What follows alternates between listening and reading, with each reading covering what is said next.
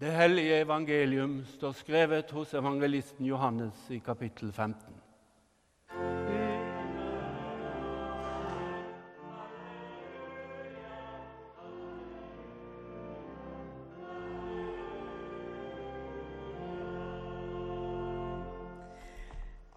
Ingen har større kjærlighet enn den som gir livet for vennene sine. Dere er mine venner hvis dere gjør det jeg befaler dere. Jeg kaller dere ikke lenger tjenere, for tjeneren vet ikke hva Herren hans gjør. Jeg kaller dere venner, for jeg har gjort kjent for dere alt jeg har hørt av min far. Dere har ikke utvalgt meg, men jeg har utvalgt dere og satt dere til å gå ut og bære frukt, en frukt som varer. Da skal Far gi dere alt dere ber om i mitt navn. Dette er mitt bud til dere. Elsk hverandre. Slik lyder det hellige evangelium.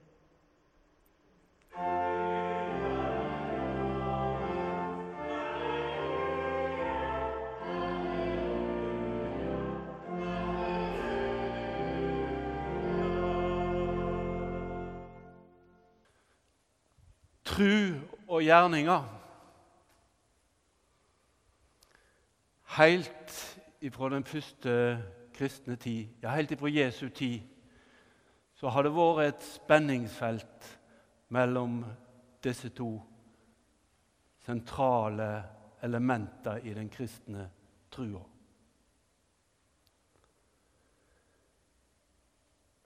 Tenk bare på Jesus sjøl, som eh, kom i konflikt med fariseerne, med jødene, om eh, hva som var lov å gjøre på sabbaten. Jesus måtte få dem til å innrømme at hvis det sto om liv for eh, både buskap og for folk, så var det tillatt å bryte de strenge sabbatsreglene som jødene hadde. Og Spørsmålet om faste var òg et sånt stridsspørsmål som Jesus allerede var oppi. Og så kom Paulus, og han som var en tidligere fariseer, strengt opplært med hva som var lov, og hva som ikke var lov å gjøre, han snur totalt om, ikke bare i forhold til at han var fiende mot den kristne trua og ble en ivra for det, men også for den kristne friheten. Han sto opp imot sjølveste Peter, lederen i disippelflokken, lederen blant apostlene. Slo i bordet, bokstavelig talt, og sa til frihet har Kristus frigjort oss. La ikke noen tvinge dere inn igjen under trelldomsåk. Og så,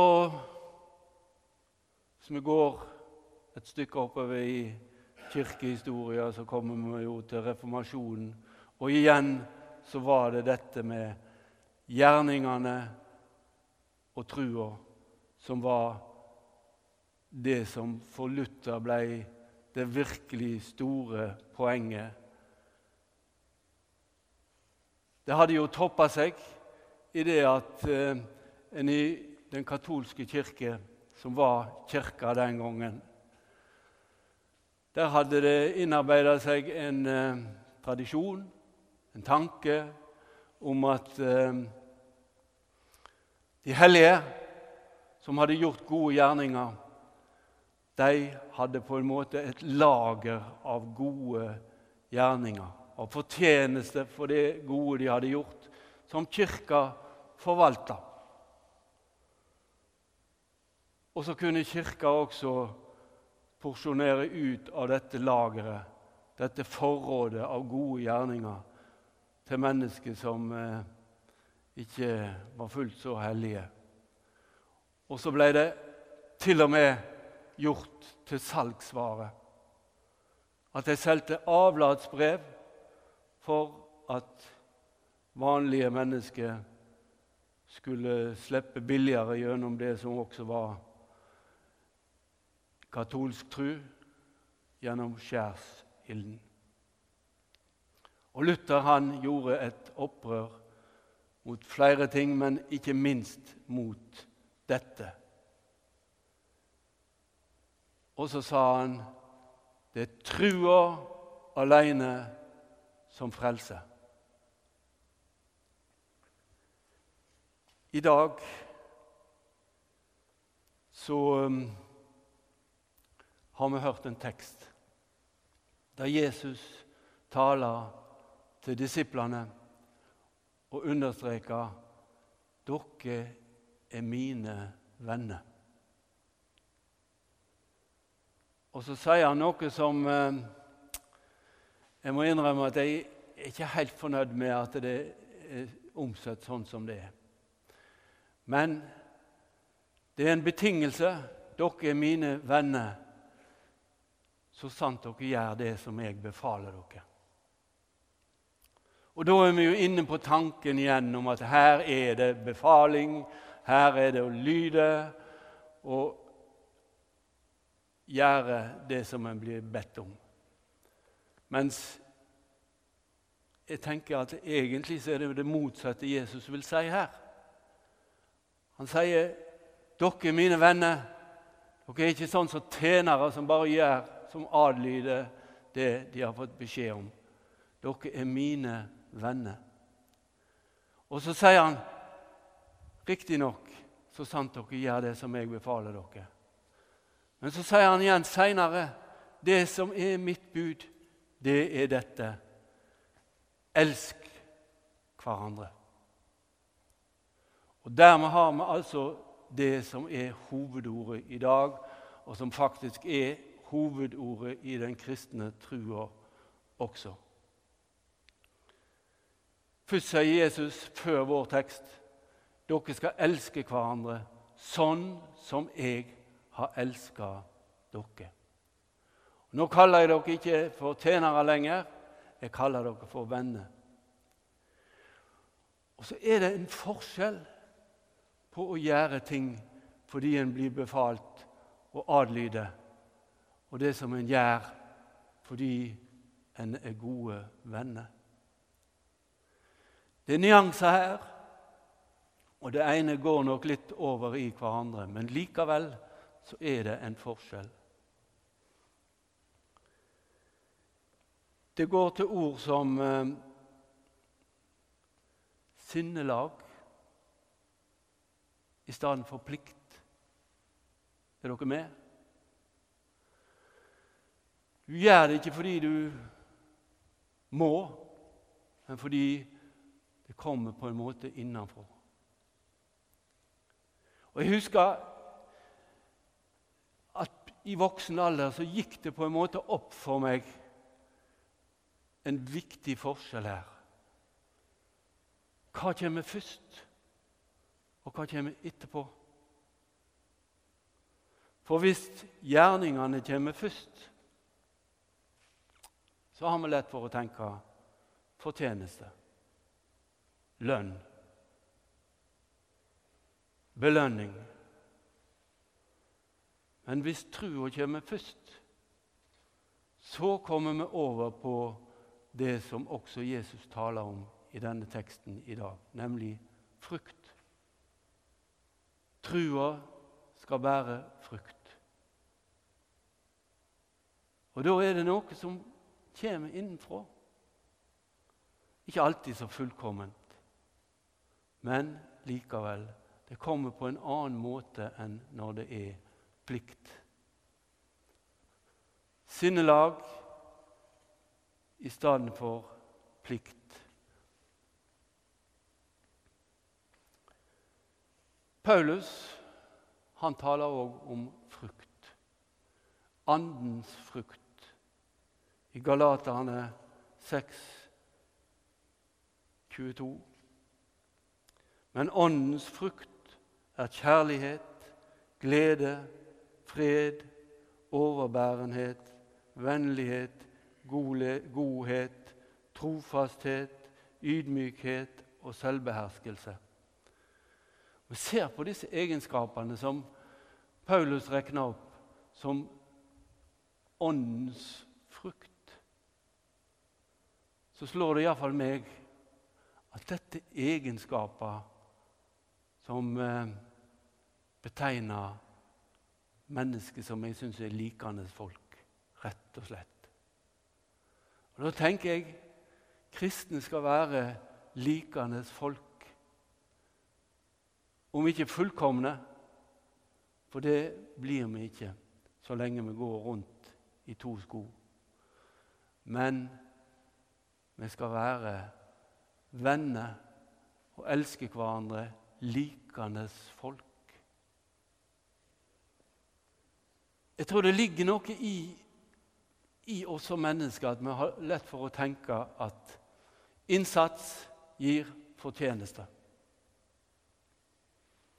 Men Jesus han tar et oppgjør med dette når han forteller lignelsen om arbeiderne i vingården. Dere husker den liknelsen? Og Det forunderlige der, det var iallfall forunderlig for jødene på Jesu tid, det var at alle fikk den samme lønna. Til og med de som var kommet i den ellevte timen like før arbeidstidsslutt. De fikk den samme lønna som de som var først på plass. Og Vi syns jo dette kanskje er litt urettferdig. Men det er ikke urettferdig når det er ufortjent absolutt alt i hop. Så har vi lett for å tenke sånn òg når det gjelder det negative. Dette var verre enn fortjent. Når det gjelder sykdom, ulykke, så har vi lett for å tenke Har jeg fortjent dette? Du har ikke fortjent verken det ene eller det andre. Det er ufortjent alt sammen, og det er nåde. Jesus sto framfor Pilatus og sa noe om at han var kommet for å vitne om sannheten. Hva er sannhet? sa Pilatus. Han fikk ikke noe muntlig svar. Spørsmålet ble på en måte hengende i lufta. Men jeg tenker meg at svaret på det spørsmålet det er nettopp i det som skjedde i fortsettelsen. Jesus ble hengt på korset, døde for våre synder. Der er vi i berøring med sannheten som er Gud sjøl. Og så sier Johannes, evangelisten, i innledningen til evangeliet sitt, som en slags oppsummering likevel, selv om det kommer i innledningen. Vi så Hans herlighet.